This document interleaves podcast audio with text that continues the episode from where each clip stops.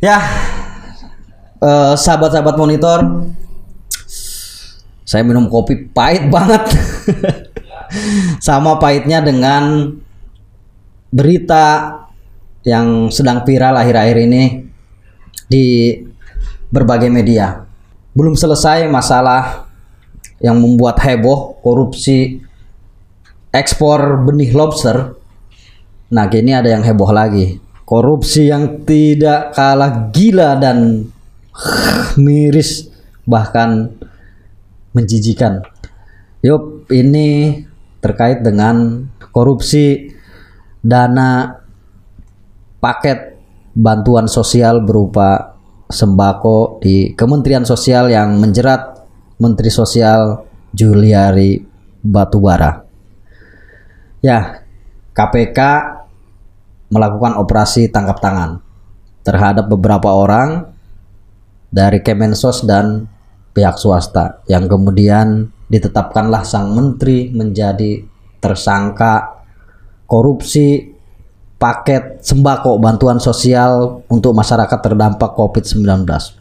Dur, rame. Kenapa? Karena baru kemarin belum lama kita juga dihebohkan dengan korupsi OTT bahkan operasi tangkap tangan terhadap Menteri Kelautan dan Perikanan Edi Prabowo yang tersandung soal ekspor benih lobster yang penuh kontroversi itu. Nah, kembali ke kasus korupsi bantuan sosial, paket sembako bantuan sosial COVID-19.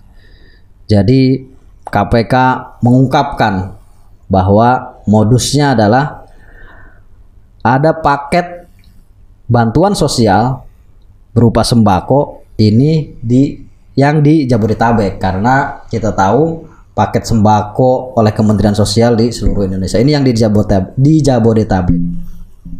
Nah, nilai paket bantuannya itu itu senilai 300 ribu rupiah. Ada yang pernah dapat paket sembako belum? Saya belum pernah kebagian, belum pernah dapat. Nah, tapi kira-kira isinya adalah beras, kemudian ada mie instan, ada eh, terigu kalau tidak salah, kemudian minyak goreng, kemudian ada juga sarden. Dari masyarakat sudah banyak tuh keluhan-keluhan. Nah itu pokoknya nilainya paketnya senilai 300 ribu rupiah.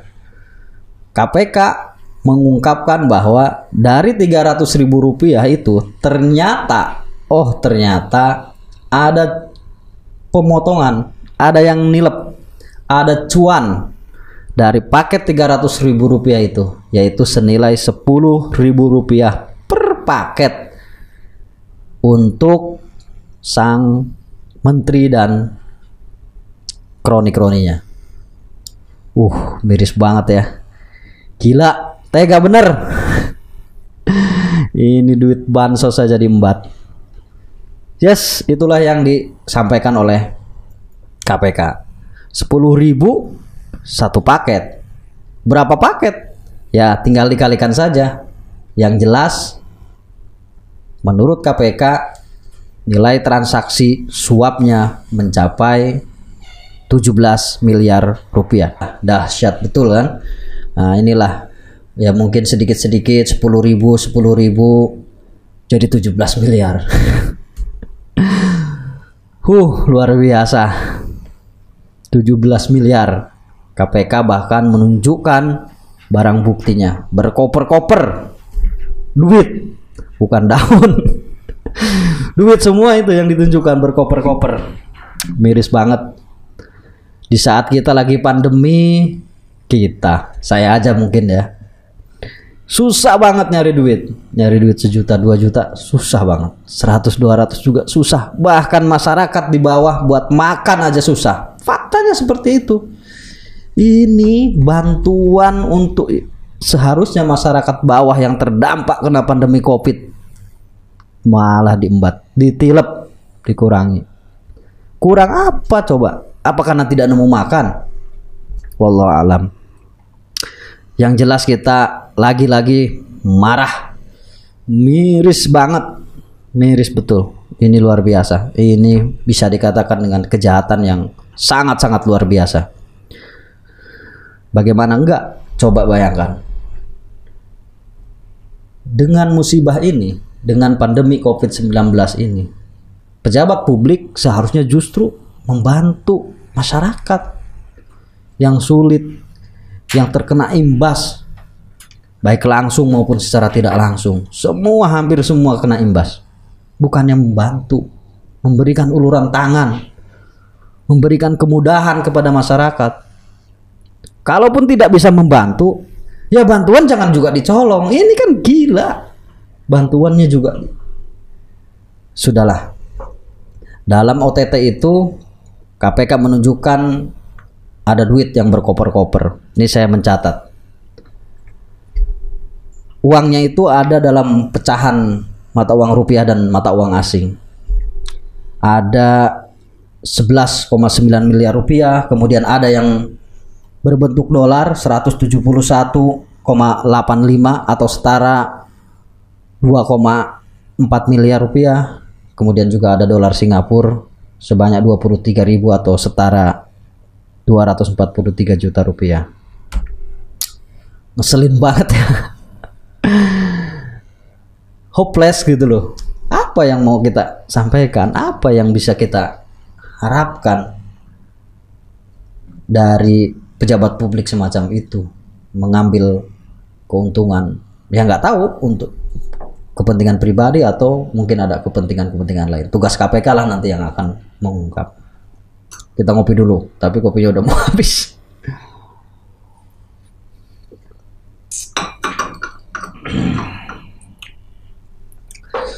Nah, rasa miris kita, kesal kita nggak berhenti sampai di situ. Kenapa? Karena kita tahu bahwa uh, dana bantuan sosial bagi masyarakat yang terdampak COVID-19 yang berupa paket sembako itu itu diambil dari APBN dan pembiayaan APBN salah satunya itu dari utang, dari ngutang. Udah kita mengutang, bayar nanti bagaimana bayar utangnya. Ini bantuannya pun hasil dari ngutang ditilep pula. Inilah rugi dua kali kita. Rugi yang pertama sembakonya, paket sembakonya itu sudah pasti berkurang. Kalaupun tidak berkurang jumlahnya, kualitasnya yang berkurang. Viral juga tuh di media. Di media sosial. Itu viral juga. Jadi paket sembakonya itu salah satunya itu ada sarden. Mereknya Niki Mura. Kalau nggak dikorupsi kan harusnya Niki mahal dong mereknya kan gitu. Nah, isinya itu sarden, cuman ikannya sesendok, sisanya kuah. Kuahnya pun encer seperti air. Salah satu contoh, itu lagi rame juga di media sosial ya wajar mungkin pengusaha berpikir karena harus sudah ada alokasi 10 ribu itu yang memang sudah dipotong inilah bayangkan kualitas sembako belum lagi misalkan keluhan keluhan-keluhan yang lain rugi kita lagi yang selanjutnya adalah kita menanggung beban utang sembakonya nggak jelas seperti itu dikorupsi utang kita membayar utang bunga-bunganya ditanggung kepada siapa? Negara. Negara pada siapa? Pada rakyat, pada masyarakat lagi-lagi. Masyarakat. Bahkan sudah ada ancaman kalau berani korupsi dana bantuan sosial, dana bencana itu hukumannya nggak main-main, hukuman mati. Ya walaupun kita tahu belum pernah ada koruptor di Indonesia yang dihukum mati. Ya kita lihat saja gimana nanti saya jadi ingat guru bangsa kita Kiai Haji Abdurrahman Wahid atau Gus Dur itu dulu pernah membubarkan yang namanya Departemen Sosial nah sekarang Kementerian Sosial hidup lagi dalam sebuah acara di Kick Andy Show Metro TV Gus Dur ditanya Gus kenapa jenengan membubarkan Departemen Sosial kata Andi F. Waktu itu. Gus Dur bilang karena di kementerian itu sudah banyak korupsinya. Lalu Andi Ebnoya bilang, loh kenapa kalau hanya untuk menangkap tikus harus melam, harus membakar lumbung padinya? Dengan seloroh Gus Dur menjawab bahwa tikusnya sudah menguasai lumbung padi. Mungkin inilah maksud maksud dari Gus Dur. Tapi ini juga harus menjadi catatan, ini juga harus menjadi evaluasi. Jangan-jangan tidak hanya di Kementerian Sosial, jangan-jangan tidak hanya menteri yang sudah ditangkap, banyak pejabat-pejabat publik yang diam-diam di bawah meja, di kolong meja melakukan praktek-praktek rasuah. Kalau kata orang belum sial aja karena sehingga belum terungkap. Tapi saya ingin tidak ingin berspekulasi lebih jauh terlebih secara politik. Yang jelas kita yakin bahwa ini juga sesuai dengan uh, komitmen Pak Jokowi, komitmen pemerintah untuk siapa pun yang melakukan korupsi tidak ada perlindungan, tidak ada ampun, hajar siapa pun itu. Tidak peduli dia adalah kader partai A, partai B, atau orang kuat dan lain sebagainya, hajar. Semua di mata hukum sama. Sebagai penutup saya ingin membacakan kata-kata dari Pramudia Anantatur. Saya ambil dari buku Bumi Manusia. Berbahagialah dia yang makan dari keringatnya sendiri, bersuka karena usahanya sendiri dan maju karena pengalamannya sendiri. Demikian, Assalamualaikum warahmatullahi wabarakatuh.